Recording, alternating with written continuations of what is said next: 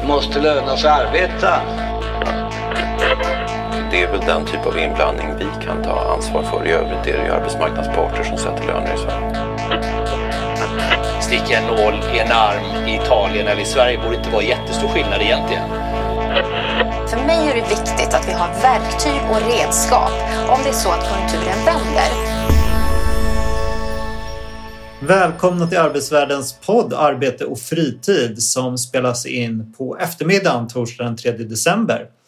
Idag ska vi prata om hemarbetet. Hur är det för oss som jobbar hemma? Fördelar, nackdelar och framtidsspaningar. Vi har en gäst med oss idag, Martin Nassar som är utredare på fackförbundet ST. Välkommen! Hej, tack så mycket! Och Samuel Engblom är med oss som vanligt, samhällspolitisk chef på TCO. Det stämmer. Tjena! Vi ska prata om att jobba hemma. Blir det en ny standard? Vad kommer hända? Vad kommer det innebära? Självklart ska vi också få en rapport från en jobbig värld som avslutar podden. Samuel och Martina, jobbar ni själva hemma? Hur har det varit? Eh, jo, jag har jobbat hemma sedan i mars, mer eller mindre på heltid. Och jag hade den stora nackdelen att de började med ett stort byggprojekt här två veckor eller veckan efter vi började jobba hemma. Så det har varit fullt ljud här, ja, mer eller mindre någon, ett par timmar i veckan. Som man annars inte skulle ha brytt sig om överhuvudtaget utan mer att det är byggställningar utanför huset. Men nu blir det ju en väldigt stor del av ens eh, arbetsmiljö. Eh, så det har varit lite problematiskt. Men eh, det har blivit bättre nu så jag hoppas att det blir lugnare över tid. Men de ska hålla på till 20, 20 eller slutet på 2021 så att det kommer inte heller sluta i brådrasket.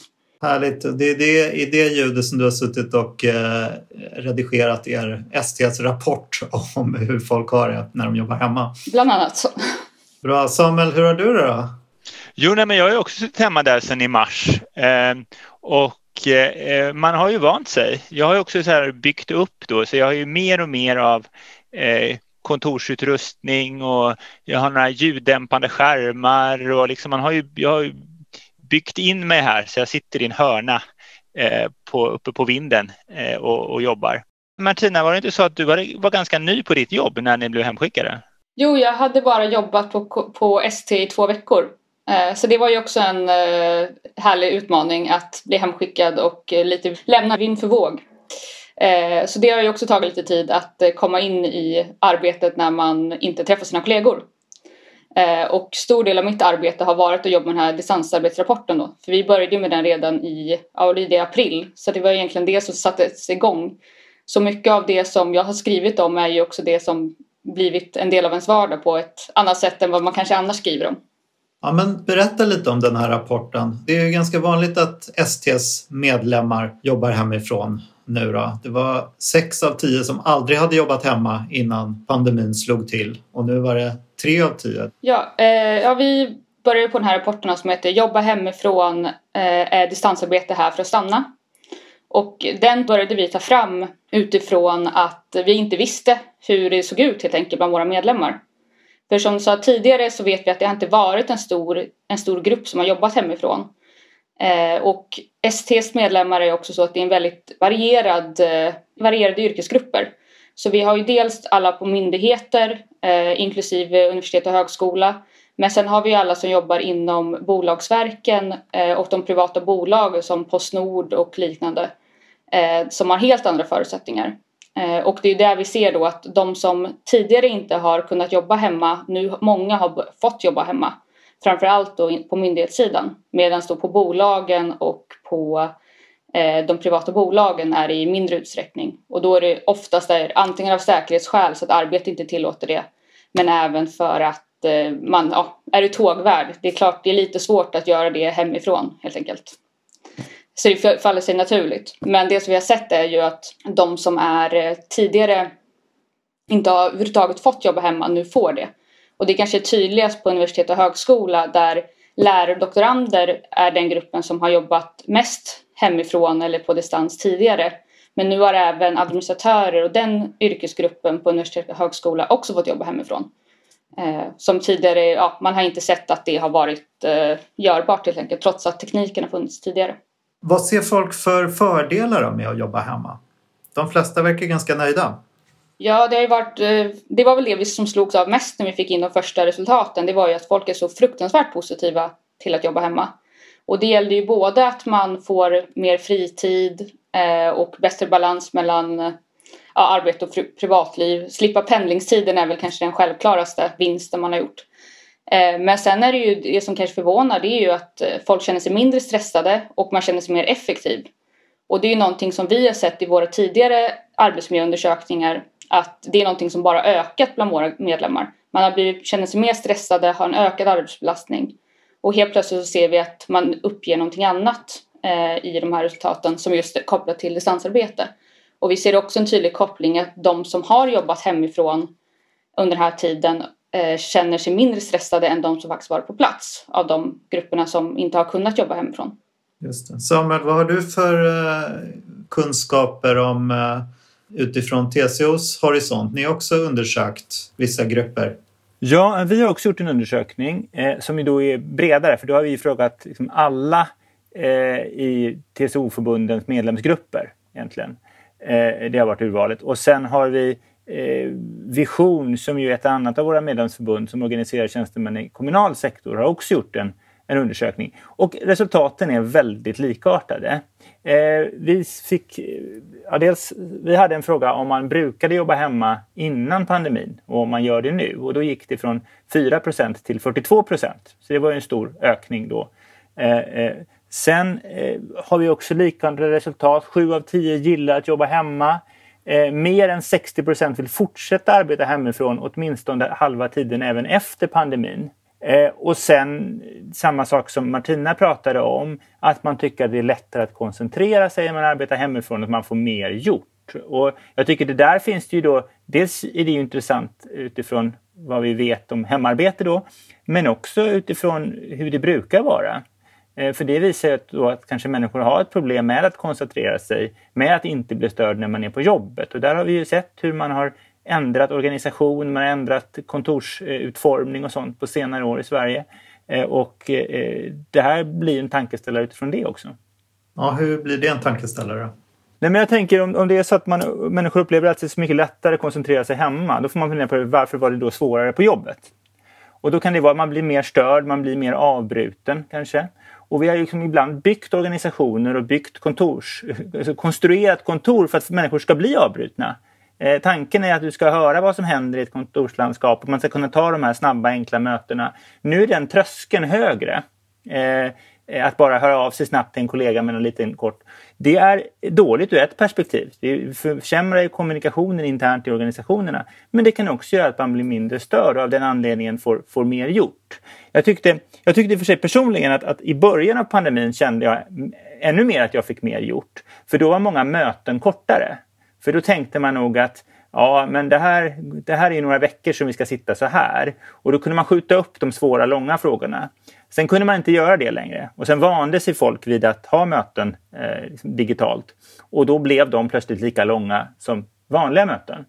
Eh, så att där kanske man tappar lite av den där extra produktiviteten. Men det, det är intressant och jag tycker framförallt för arbetsgivare som kanske tidigare har haft en ganska njugg inställning till möjlighet att, att arbeta hemifrån så, så gör ju det här att man verkligen behöver tänka på hur man, hur man organis kommer att organisera arbetet även efter pandemin.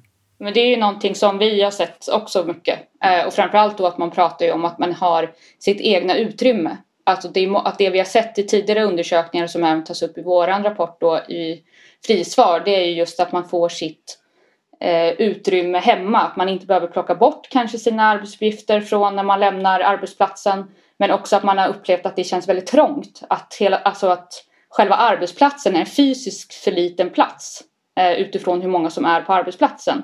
Och då känna att man faktiskt har sin, sitt utrymme blir väldigt viktigt och också eh, ytterligare en del varför man känner att det är skönare att sitta hemma.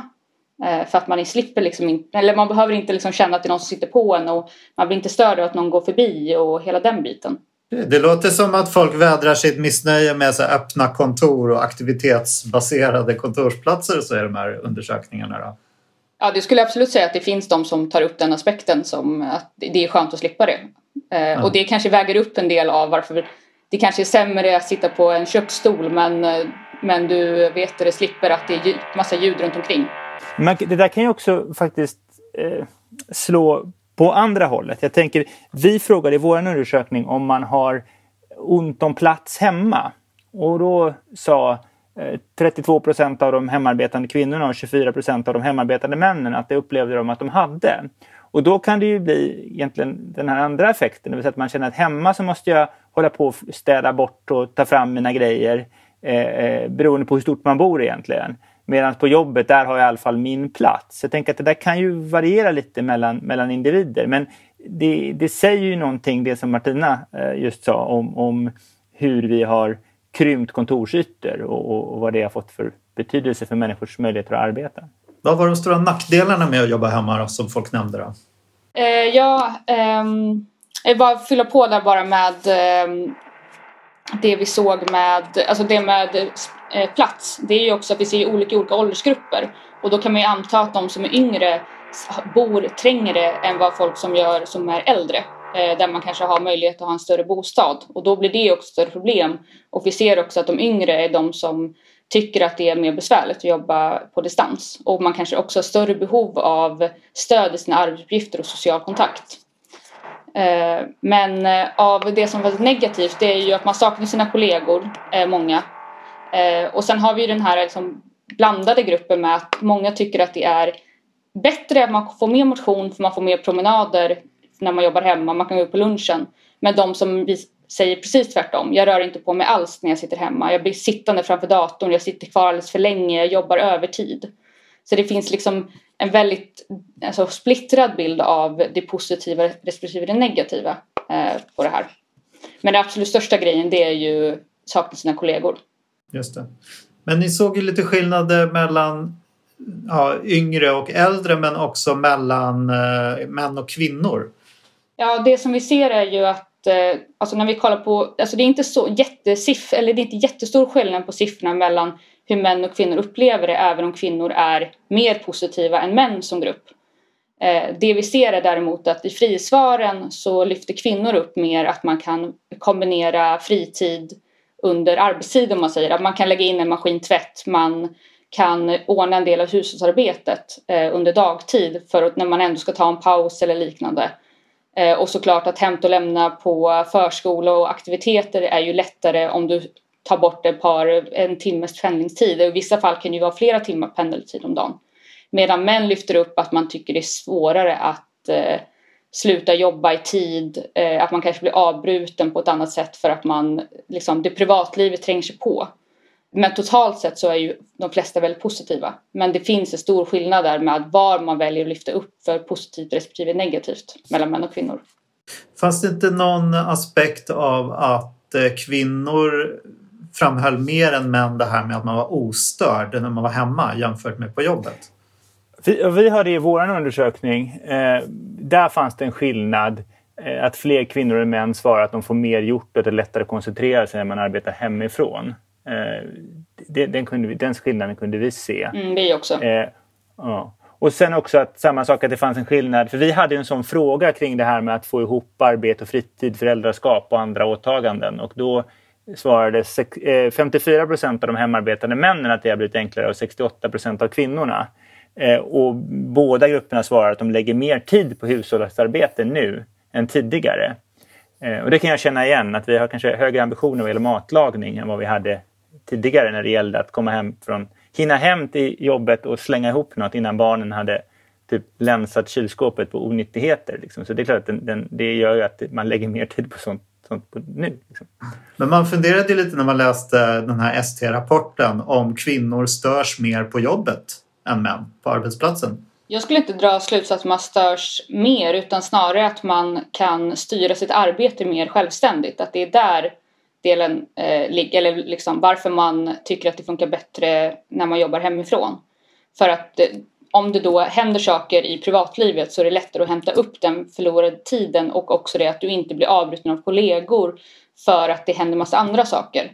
För vi ser ju att kvinnor är ju de som tar ut större del av vab och det tillfälliga eh, föräldraledighet då. Och det gör ju att du kanske är frånvarande på jobbet på ett annat sätt eh, och gör att du helt enkelt får eh, svårare att hinna igen vissa typer av arbetsuppgifter. Eh, om du är, bort, ja, men, är borta en dag eller två eh, och när du sitter hemma så har du lättare att hämta igen den typen av delar så att det faktiskt går ihop. Och du missar helt enkelt inte lika mycket på jobbet och då blir du inte stressad och störd av den anledningen. Så man störs dels av att hem, hemmet kallar på olika håll. Eh, men också är du inne på, eller det som lät så spännande var ju det här, störs kvinnor mer på jobbet av kollegor? Eller kan kvinnor styra sina jobb mindre än män på arbetsplatsen? Det, lät som något man skulle vilja ta reda på mer om. Jag tror, inte det handlar om, jag tror inte det handlar om könet ifall du blir mer eller mindre störd utan det är nog upp till individen. Men däremot så är det ju så att kvinnor innehar större eller fler arbetsuppgifter där man har mindre möjlighet att påverka hur man jobbar och hur lägger upp arbetet. Eh, och där är en stor skillnad, för vi har ju en stor könssegregation på arbetsmarknaden generellt. Och, så, och det ser vi även bland STs medlemmar.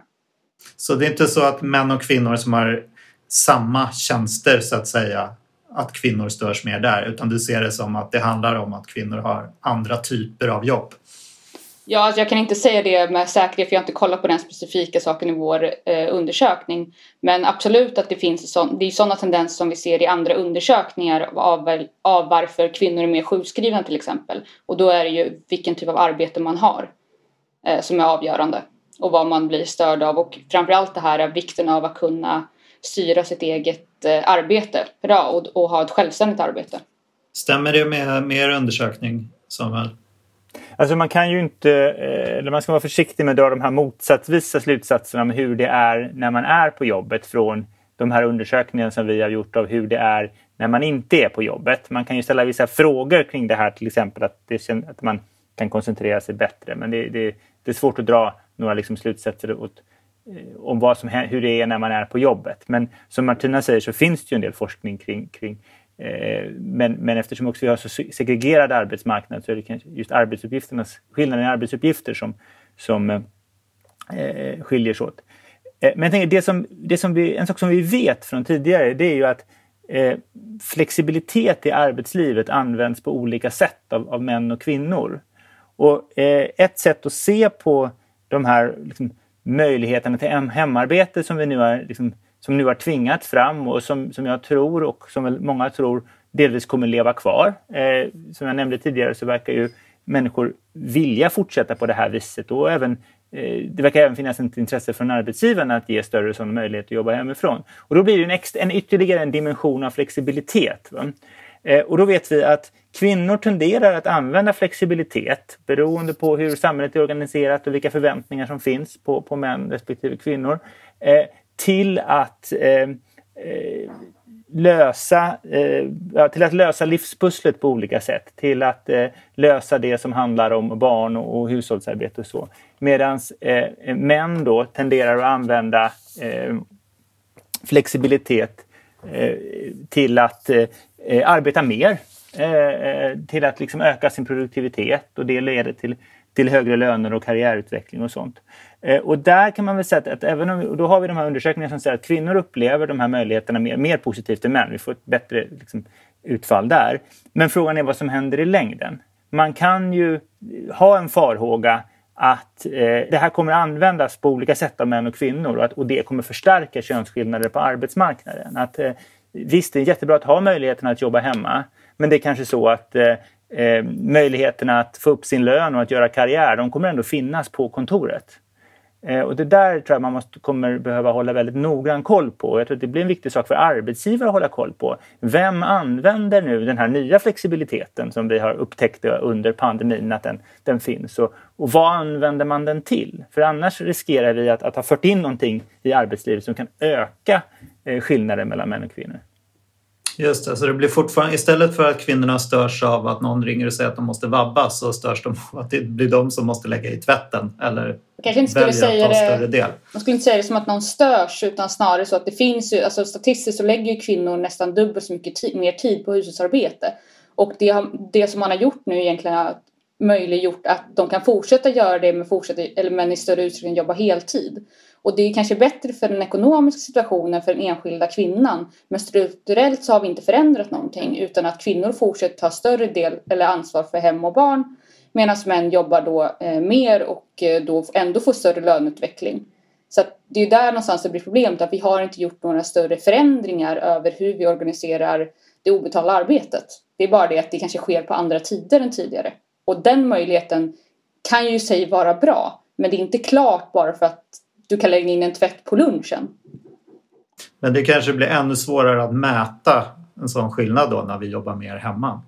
Så kan det vara, men sen är det ju också att det är ju verkligen inte alla jobb som tillåter att vi jobbar hemma. Så det kommer ju också handla om vilken typ av jobb vi har om det här kommer vara en reell möjlighet. Just det. Har ni några tankar om det? Om liksom, skillnaderna ökar mellan grupper som har möjlighet att jobba hemma eller inte? Eller om de skillnaderna fanns redan innan? Eller hur, har ni någon take på det där? Jag tror att alltså en sak som ju kommer att ske det är ju att eh, eh det vill säga att, att vabbandet kommer nog bli ännu mer ojämnt fördelat. Om vi tänker att det Idag är det så att, eller om vi går till läget före pandemin, så var det ju en del av oss som hade den möjligheten att om någon barn är sjukt, ja men då sitter jag hemma, jobbar, jag kanske tar något möte på telefon. Eh, däremot om det varit riktigt viktigt, ja då kanske det inte går att ordna så utan då måste jag åka in till, till jobbet. Om vi då tänker oss att i Eh, nu har vi då lärt oss att nej, men det, bra, det, fungerar bra att någon är med på mötet på en, via en, en Zoom-länk till exempel istället. Eh, då ökar ju möjligheterna att för de som har den typen av jobb att typ vobba då istället för att vabba. Att inte behöva ta ut tillfällig föräldrapenning under den perioden utan istället jobba hemifrån. Eh, och det är ju en möjlighet som är väldigt ojämnt fördelat eh, på arbetsmarknaden. Och den, den, det, de skillnaderna kommer ju öka sannolikt. Mm. Sen en annan aspekt som också blir att som vi behöver titta på på sikt det är ju att om vi nu kommer gå tillbaka till kontoren och ändå vara där i större utsträckning än tidigare så att vi kanske har vet du, av, av möte på tio personer så är åtta på plats men två på distans. Hur säkerställer man att den tekniken funkar så att de som sitter hemma får samma information och en del av sammanhanget? För det har vi också upptäckt att de som har jobbat på distans eh, tidigare Eh, Eh, de har inte sagt någonting om att de kanske inte hör i mötet i, för att det, liksom, tekniken är för dålig. Men nu när fler sitter hemma då är det direkt någon som påpekar ja men det här funkar ju inte när vi sitter i det här konferensrummet eller vad det nu kan vara. Att det har ju också sådana saker som så här, hur får vi då hur får vi ett bra sammanhang på jobbet där vi faktiskt fångar upp både de som kanske jobbar på distans i lite större utsträckning och de som kommer vara på kontoret. För det här blir ju två Även om man kan tillhöra båda grupperna men det kommer vara ett problem som man behöver hantera så att det faktiskt du kan prestera oavsett var du är och få del av samma information. Det fanns ju grupper i er undersökning som sa att de skulle kunna utföra sina jobb hemifrån men inte fick det för arbetsgivaren. Jag funderade lite på om den här eh, Eva Nordmark var ju ute och sa häromdagen att man kanske borde lagstifta för att eh, folk i största möjliga utsträckning ska kunna jobba hemifrån. Skulle det vara en lösning eller vad, vad tror ni att det här motståndet beror på? Hur, hur kommer man åt det? Jag säga, jo, men vi har ju, två av våra förbund har bara den senaste, de senaste veckorna varit ute i just den här frågan om, om rätten att jobba hemifrån. Att man upplever att arbetsgivare inte har låtit personer jobba hemifrån som skulle kunna jobba hemifrån. Det, Vision kom med en rapport som bland annat handlade om det. Att de sa att det finns då tjänstemän i kommunerna som skulle kunna jobba hemifrån. Eh, och det vore bra då för att lindra smittspridning och så. Men där arbetsgivaren inte tillåter det. Och sen har vi ju diskussionen om, om lärarna. Där jag vet att Lärarförbundet har sagt att, att, att just det här när man då inte undervisar, ska man då behöva vara i skolan? Utan förberedelse och sånt kan man faktiskt göra hemifrån. Eh, och nu kanske det finns, fick ännu mer aktualitet i och med att man gick ut och sa då att gymnasieskolorna ska gå tillbaka till distansundervisning här de här närmaste veckorna fram till jul. Och det är klart att säga att du har eh, de tekniska möjligheterna att sitta hemma och ge din lektion till elever som också sitter hemma. Ja, det är klart, varför ska den läraren åka in till jobbet? Då blir den läraren kanske en belastning på kollektivtrafiken. Den läraren träffar mer människor än vad de annars hade gjort. Så jag tror det är viktigt här att arbetsgivare litar på sina medarbetare och inte tvingar folk till jobbet i, i onödan när jobbet kan skötas eh, lika bra eller nästan lika bra eh, på distans. Och hur får man till det då? Ja, alltså, jag tror att lagstifta känns eh, eh dels som ett ganska långsamt instrument i det här fallet och dessutom är det att konstruera en sån lagstiftning är inte helt lätt. Det skulle det vara, liksom, devisen skulle vara hemma, eller ja, kontor, kontorsarbete en möjlighet, hemarbete en rättighet. Men, men det, det finns en hel del liksom skulle jag säga, tekniskt där som inte är helt enkelt. Eh, så att, och jag tänker att det här ska inte, inte en sån sak som ska behöva en lagstiftning eller ett kollektivavtal i det här läget utan det är ju någonting där man tycker att arbetsgivare borde se att det här är ett läge som vi har nu. Vi måste stoppa den här smittspridningen. Jag behöver inte tvinga mina anställda till jobbet om de, om de kan utföra sitt arbete hemifrån. Ja, alltså det som vi har sett det är väl att, ja, men att det, finns, det finns dels grupper eller arbetsplatser där man fick jobba hemma men nu har tagit tillbaka folk till arbetsplatsen eh, för att man har kommit på att av någon anledning så ska de inte jobba på distans. Det, man kanske kommer på att det är säkerhetsskäl, det kan vara flera olika. Men det finns ju också de som tycker att nej, vi ska inte jobba hemifrån men eh, om du har symptom, då är det okej att du jobbar hemifrån. Och där handlar det ju om huruvida arbetsgivaren litar på sina anställda eller inte. Och där finns det problem. Och vi har ju även sett att yngre chefer tenderar att vara lite mer strikta med att få jobba hemifrån. Eh, och det är troligtvis för att man tycker att det är svårare att få en uppfattning om vad folk gör och presterar. För det ser vi också att det, är en, det här ställer stora krav på chefskap och ledarskapet. Eh, där man kanske behöver mer fokusera på vad är det man ska vara, liksom, vad är man, ty eller man bör vara tydlig med vad man förväntar sig av mina, sina medarbetare snarare än att eh, man är på en fysisk plats som många eh, har pratat om tidigare. Att det är där man liksom ser. För det, vi vet ju att även om eh, vi sitter, hem, eller sitter på kontoret så kan vi lika gärna vara inne på en sajt och läsa artiklar som att vi faktiskt jobbar likväl som vi kan göra andra saker när vi är hemma under arbetstid. Så det är ingen garanti att vi är på den fysiska arbetsplatsen. Men diskussionen tidigare har ju varit det. Eh, och vi kan ju se att det är ändå grupper som tidigare inte har få, fått jobba hemma som nu får det och att det funkar bra. Så till viss del har ju dessa argument liksom förstörts eller liksom grusats då för arbetsgivaren. Eh, mm. Att säga att det här inte funkar, det är man inte lika effektiv, ja, etc. Vad är det vi behöver bli bättre på då för att, eh, eller fortfarande kan bli bättre på för att hemarbetet ska funka jag tror att det finns väldigt mycket där som vi kan göra eh, egentligen. För det som, har väl, det som är väldigt stora problemet nu det är ju att när vi skickades hem då eh, i våras då var det ett exceptionellt läge. Vi tänkte att det skulle vara kortsiktigt. Vi, ja, vi, vi kör på, vi, det är bara att acceptera. Men nu när vi ser att nu har det gått, ja, vi är snart upp nio, nio månader här någonting. Och vet det, Folkhälsomyndigheten har sagt att de tror att vi kommer behöva sitta hela våren också. Det finns väl ingen garanti för att vi inte kommer sitta i höst igen heller. Även om man kanske inte vill tänka på det just nu. Eh, men så är det ju så att vi behöver tänka om. För nu har vi fortsatt att jobba i princip på samma sätt som vi gjorde tidigare.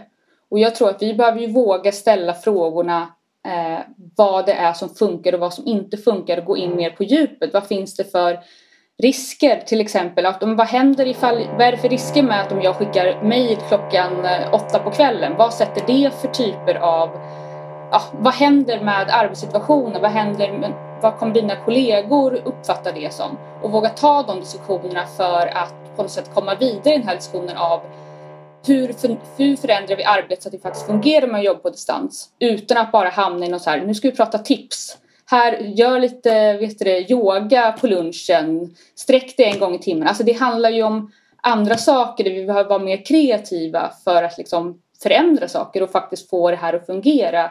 Även nu när vi fortsätter att sitta hemma och ingen vet hur länge och kanske annan oro som tillkommer eh, för att vi också är i en pandemi. Vi, vi sitter inte bara hemma för att det är kul. Ja, men du nämnde ju det där med chefskapet och eh, hur man kan bli bättre på att liksom, eh, titta på output kanske istället för Facetime. Men alltså, det som jag funderar på är det här med det strategiska jobbet och framåttänket som Samuel var inne på det känner man själv tycker jag. Att så här, det, är mycket, det är väldigt lätt att köra så här, dagsplaneringen och göra det man ska. Men när man ska tänka lite längre nu när man har varit hemma så himla länge. Hur får man till det? Är det en sån här grej som ni har funderat på? Känns som något som många arbetsgivare kanske funderar på. Eh, för, alltså, först ska jag det som Martina nämner om, om arbetsmiljön. Eh, och det är ju då, även om vi har de här positiva utslagen att folk kan koncentrera sig så, så är det ju dels den fysiska arbetsmiljön i form av att folk, många sitter ganska dåligt hemma om vi ska vara ärliga. Eh, därför att man sitter inte på en anpassad arbetsplats där man kan variera sig eh, utan man, man, man sitter i, i köket eller på någon stol som man har hittat någonstans. Och, och man trodde inte att det här skulle vara så länge. Så vi har fysiskt arbetsmiljöproblem. Och sen har vi det här liksom ett, ett, ett, också ett, ett socialt organisatoriskt arbetsmiljöproblem som framförallt handlar om den här, det som också framgår i de här undersökningarna, kontakten med kollegor, kanske kontakten med chefer. Eh, och det, menar, arbetsgivarens ansvar för arbetsmiljön, den gäller även när du jobbar hemifrån. Och jag, jag såg faktiskt att, att Arbetsmiljöverket har gjort en hel del. De, de har faktiskt kommit ut med ganska mycket bra eh, information om arbetsgivarens ansvar och, och, saker som, som är lite mer än det här bara de här de här checka tipsen att komma ihåg att gå en promenad och göra lite yoga och liksom använd strykbrädan för att kunna stå upp en stund. Liksom. Utan, utan det, där man faktiskt tar det här lite mer på allvar. Och, och det utvecklas ju nu en del former för det också kring, kring eh, att kunna göra, faktiskt kunna göra en, en, en, en fysisk eh, arbetsmiljörond hemma. Där om, om arbetstagaren vill det så kan man, kan man få visa upp för en kamera för någon som kan se på hur man sitter och försöka fundera på, på ergonomin och så. Då. Eh, sen det här med det långsiktigt strategiska. Alltså det som jag tror händer nu det är ju att en del arbetsgivare funderar just på eh, hur man ska kunna använda de här nya flexibla formerna i framtiden. Och då tänker jag dels är det ju det här, okay, hur, hur ska vi göra eh, Eh, kanske finns en möjlighet för medarbetare som pendlar att inte behöva komma in varje dag. Det kan bredda en arbetsgivares rekryteringsområde. Om vi tänker som, som Stockholmsområdet där många pendlar. Ja, men det blir lättare att bo i Västerås eller Linköping och jobba i Stockholm. Eller bo i Stockholm och jobba i Västerås eller Linköping. Där, där, om du inte behöver åka in varje dag. Det är ju en, en sån sak som en del arbetsgivare kan, kan tänka kring. Eh, en annan sak är ju eh, vad man gör med resor framöver. Eh, det visar sig, har väl visat sig under den här perioden att ett möte på, på tio personer eller åtta, nio stycken, det går att hålla på det här sättet och vi har vant oss vid det. Då kanske inte folk behöver åka till Stockholm, eller Göteborg, eller Malmö, eller Köpenhamn eller Bryssel över dagen. Och det sparar vi koldioxid på och vi sparar också arbetstid och, och eh, vi får eh, lättare att få våra livspussel att gå ihop och massa saker. Där finns det ju liksom fördelar i, i det här som, som, man, som man, jag hoppas att man kommer att utnyttja även när det här Eh, är över. Så att, eh, för att hittills så kan man väl säga att vi jobbar ju... Det är ju inte så att vi har gått över till ett digitalt arbetssätt. Liksom, utan det handlar ju om att vi gör det vi, hade, vi gjorde innan. Vi har samma sorts möten, men vi har dem lite sämre. Det är väl ungefär så man skulle kunna summera vad vi, vad vi har gjort hittills. Eh, och, och, och, då, så det har inte skett så mycket eh, utveckling egentligen. Mer än att vi har lärt oss att hantera olika sådana här eh, program på ett bättre sätt. Det är väl det som är förvånande där, det är väl att man har varit så fast. Alltså att man har inte varit så kreativ som man faktiskt skulle kunna varit med att testa olika mötesformer. Eh, I alla fall har inte jag upplevt det utan att mycket är ju, man kör samma men att det kanske blir snarare att det är en person som håller låda för att det är lätt att man pratar i munnen på varandra annars. Eh, och det hjälper inte med en digital fika för det, det blir samma sak där. Att är vi mer än, ja, det, även när vi sitter, om man bara sitter fyra personer så pratar man ju munnen på varandra men du gör ju det i ännu större grad om du är 10-15 personer. Eh, och där någonstans behöver vi liksom, man behöver göra mer saker som ändå får folk att känna sig en del av ett sammanhang. För det tror jag är den faran, framförallt de som bor själva, det är ju att man sitter, liksom, ja, man sitter själv och man träffar inte speciellt många människor. Och nu ska vi inte träffa människor överhuvudtaget. Eh, och där tror jag att det är en svåra. Hur ska du som medarbetare kunna säga till din eh, chef eller arbetsgivare att jag känner mig understimulerad, jag känner mig ensam, jag känner mig inte motiverad. Det största problemet skulle inte jag säga är de som jobbar för mycket. Det kan vara ett absolut problem på sikt. Men vad gör vi med de här som inte, som inte känner sig motiverade att jobba överhuvudtaget och som tycker att det är väldigt, väldigt jobbigt psykiskt att sitta hemma? För den gruppen finns ju också. Hörrni, om man går in på, med, avsluta med framtidsspaningar. När vi kollade lite på det här på Arbetsvärlden så eh, fick vi en spaning från techjättarna i eh, Silicon Valley. Och eh, det var Martin Jelin som skrev för oss att Eh, det verkar otroligt att man ska liksom fortsätta egentligen med den här hemarbetesvarianten eh, när man inte längre behöver det. För trenden på senaste tid har ju varit att investera enorma summor i de här jobbanläggningarna där folk ska ha liksom inte bara kanske dagis utan även så här konsertlokaler och ölbryggerier som Facebook har i sitt, eh, sina lokaler. Och något företag har köpt liksom hur många kvadratmeter som helst centralt på Manhattan för att ha sina anställda där. Och så kommer Samuel och säger att ja, men nu behöver man inte bo på, på platsen där man jobbar längre. Hur, hur ska det där gå ihop? Och kommer vi se en, det kanske är så att vi kommer se en utveckling i USA och en helt annan i Sverige. Det kanske är så att vi litar mer på våra medarbetare i Sverige. Eller?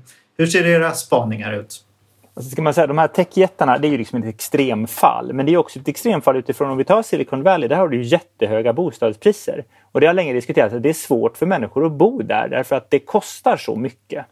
Eh, och, då, och då har folk börjat pendla från allt längre och längre. Att det är ekonomiskt, liksom, eh, för en del så är det eh, helt ekonomiskt eh, eh, rimligt att, att liksom flygpendla in varje dag. Det har funnits sådana exempel.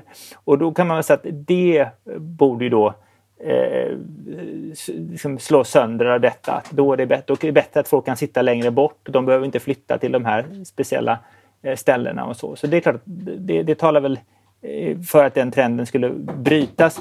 Sen är det väl också så här, och det tycker jag man ser ganska tydligt i Sverige, att, att om vi går tillbaka, och det är kanske, kanske framförallt den typen av organisationer vi jobbar i, om vi går tillbaka 20, 30, 40 år, då var det ju väldigt mycket att man, man la ihop in andra, man la nog in mer av sitt övriga liv i arbetslivet. Alltså kring att man eh, konferenser eh, var fler dagar och innehöll diverse sociala aktiviteter. Man eh, liksom, den typen av saker. Och det, det är min upplevelse bara den tiden jag har jobbat. Det har blivit mindre och mindre av sånt. Man jobbar på jobbet.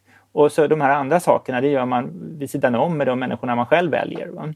Eh, och, och, det finns en mindre tolerans för massa, massa såna här extra inslag på, på resor och sånt här. Så det, eh, jag, tror att, och jag hoppas att den trenden fortsätter. Det jag är lite rädd för det är när jag såg någon fastighetsutvecklare eh, som sa i en intervju här för några månader sedan att ja, eh, jobbet kommer man göra hemma och så, och så kommer man till, till, till arbetsplatsen, då, till kontoret för att eh, eh, ja, Eh, för att umgås och för att... Liksom, ja, Spela pingis. Och, och, det tror jag skulle vara väldigt eh, negativt. Jag tror att en viktig facklig fråga framöver kommer att bli just det här, alltså rätten till en arbetsplats. Du ska ha möjlighet att vara på jobbet och kunna utföra ditt arbete där.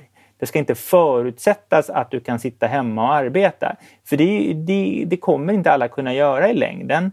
Eh, det är dessutom så att det är sånt där som kan förändras. Din livssituation kan förändras och plötsligt så bor du smått eller plötsligt så har liksom, är det något annat som har hänt som gör att, att eh, eh du inte kan förväntas kanske arbeta hemifrån längre. Så jag tror att det där kommer ju vara sånt som, som många fackliga organisationer nu måste se upp med framöver när det gäller omorganisationer och när för, liksom, arbetsplatser byter lokaler. Vad, hur har vi tänkt här?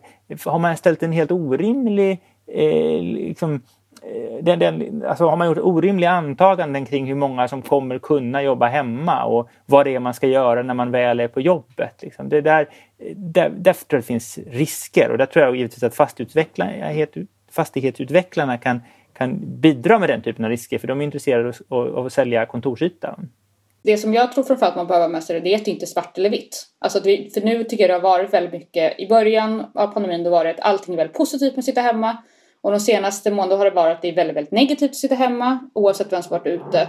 Och att man har, ja men, att det blir väldigt liksom att nu ska vi det ena eller andra. Men jag tror att det finns, finns mycket att tjäna på att man har möjligheten att sitta hemma. Men vi också inser att ja, man, dels är olika personer kanske känner att man har större behov av att sitta på ett kontor för att separera arbetet. Det måste man ju också ha en respekt för. Men också att vissa arbetsuppgifter lämpar sig bättre att sitta tillsammans och inte på distans.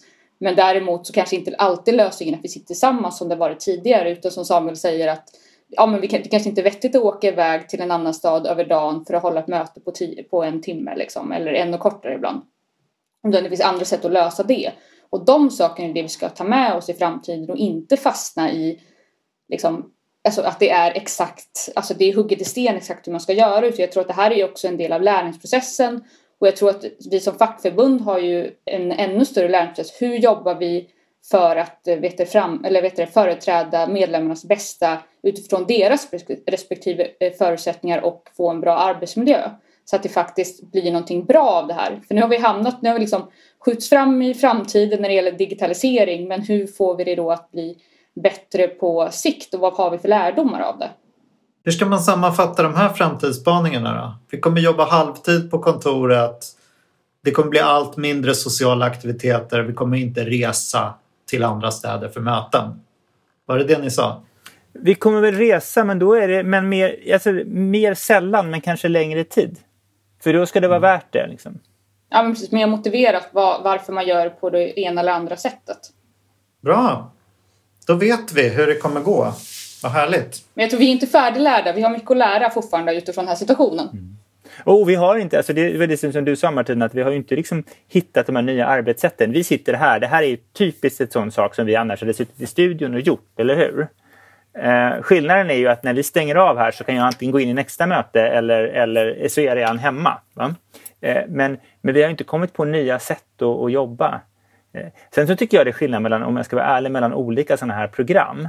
Eh, jag, jag jobbar i tre sådana här olika ganska regelbundet och ett av dem där då är det väldigt, då är de flesta blir väldigt små, mörk, små eh, rutor utan bild och försvinner liksom bort. I ett sådant program är det väldigt lätt för någon att bara försvinna ur mötet. Förstår du? Eh, man har verkligen inte känslan av att alla är med. Du kan inte heller se ansiktsuttryck och sådana här saker. Så att själva verktyget spelar ju en, en, del roll för vilken typ av möte man kan ha. Men vi har liksom inte hittat de här bra sätten att, att, liksom, ja, att göra annat, lägga upp det på ett annat sätt än.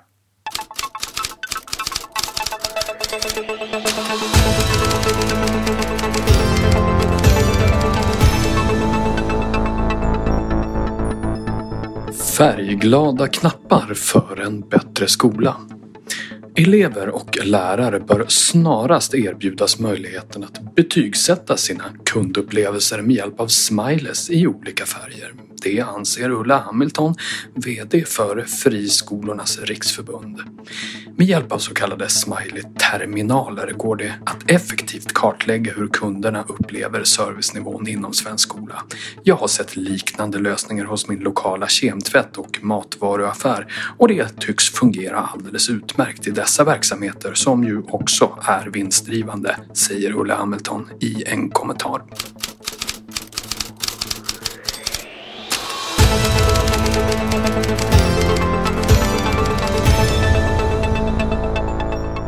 Vad tänkte ni när ni läste den här? Det känns som en väldigt signifikant för hur diskussionen går nu oavsett vad vi, att allting ska utvärderas på samma sätt oavsett vad det är för verksamhet.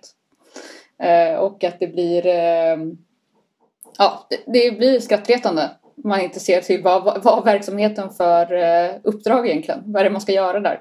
Det visar ju hur problematiskt liksom kundbegreppet är för offentlig verksamhet, för verksamhet som innehåller myndighetsutövning. Och som, det, det leder tankarna så fel. Alltså jag tror att det finns en forskare som heter Tom Karlsson som har skrivit ganska mycket om det där och jag tror att han säger att det, det kan väl vara användbart i en del interna processer men det leder tanken fel i förhållande till medborgarna. Och riskerar dessutom att skapa just den här uppfattningen om att du är kund hos skolan eller kund hos staten. Och, och en kund har då en, en, en, viss typ av relation med en institution och en medborgare har en annan. Och eh, jag har sagt i en del sammanhang att jag tycker att den, den offentliga sektorn skulle behöva liksom utveckla eh, eller våga stå för sina egna begrepp. Eh, och inte när man till exempel ska ändra organisation ta sånt som kommer från Eh, eh från liksom andra världar som, som har andra typer av uppdrag som inte har att tänka på att det här man är myndigheter som ägnar sig åt myndighetsutövning. Jag, jag såg att den, den, brittiska regeringen ska tydligen införa någon sorts inhouse konsultfirma i statsförvaltningen. Därför att man har kommit på att eh, tar man in McKinsey och Boston Consulting och allt vad de heter så deras verktyg är utvecklade för en annan värld än den eh, som är, finns inom en myndighet. Och jag tycker han tycker att det är en liten intressant eh, sak att tänka på. Att, att vi ska inte behandla offentlig verksamhet som vilken annan verksamhet som helst. Nej, men det får en ju att tänka på det där. Ja, men ni är ju inne på det att det är vad man ska mäta, liksom, att folk blir glada över att man får en dator och eh, bra betyg istället för kanske det som samhället hade vunnit på i slutändan, att man faktiskt får med sig vettiga kunskaper. Ja, då så säger vi tack och adjö från det här eh, avsnittet där vi har spanat lite på hur det kommer gå till på hemarbetsfronten framöver. Tackar Samuel från TCO och Martina som var vår gäst idag från ST. Och eh, Anders som klipper podden och alla er som har lyssnat och säger välkomna tillbaks om två veckor igen. Tack för idag. Tack. Tack.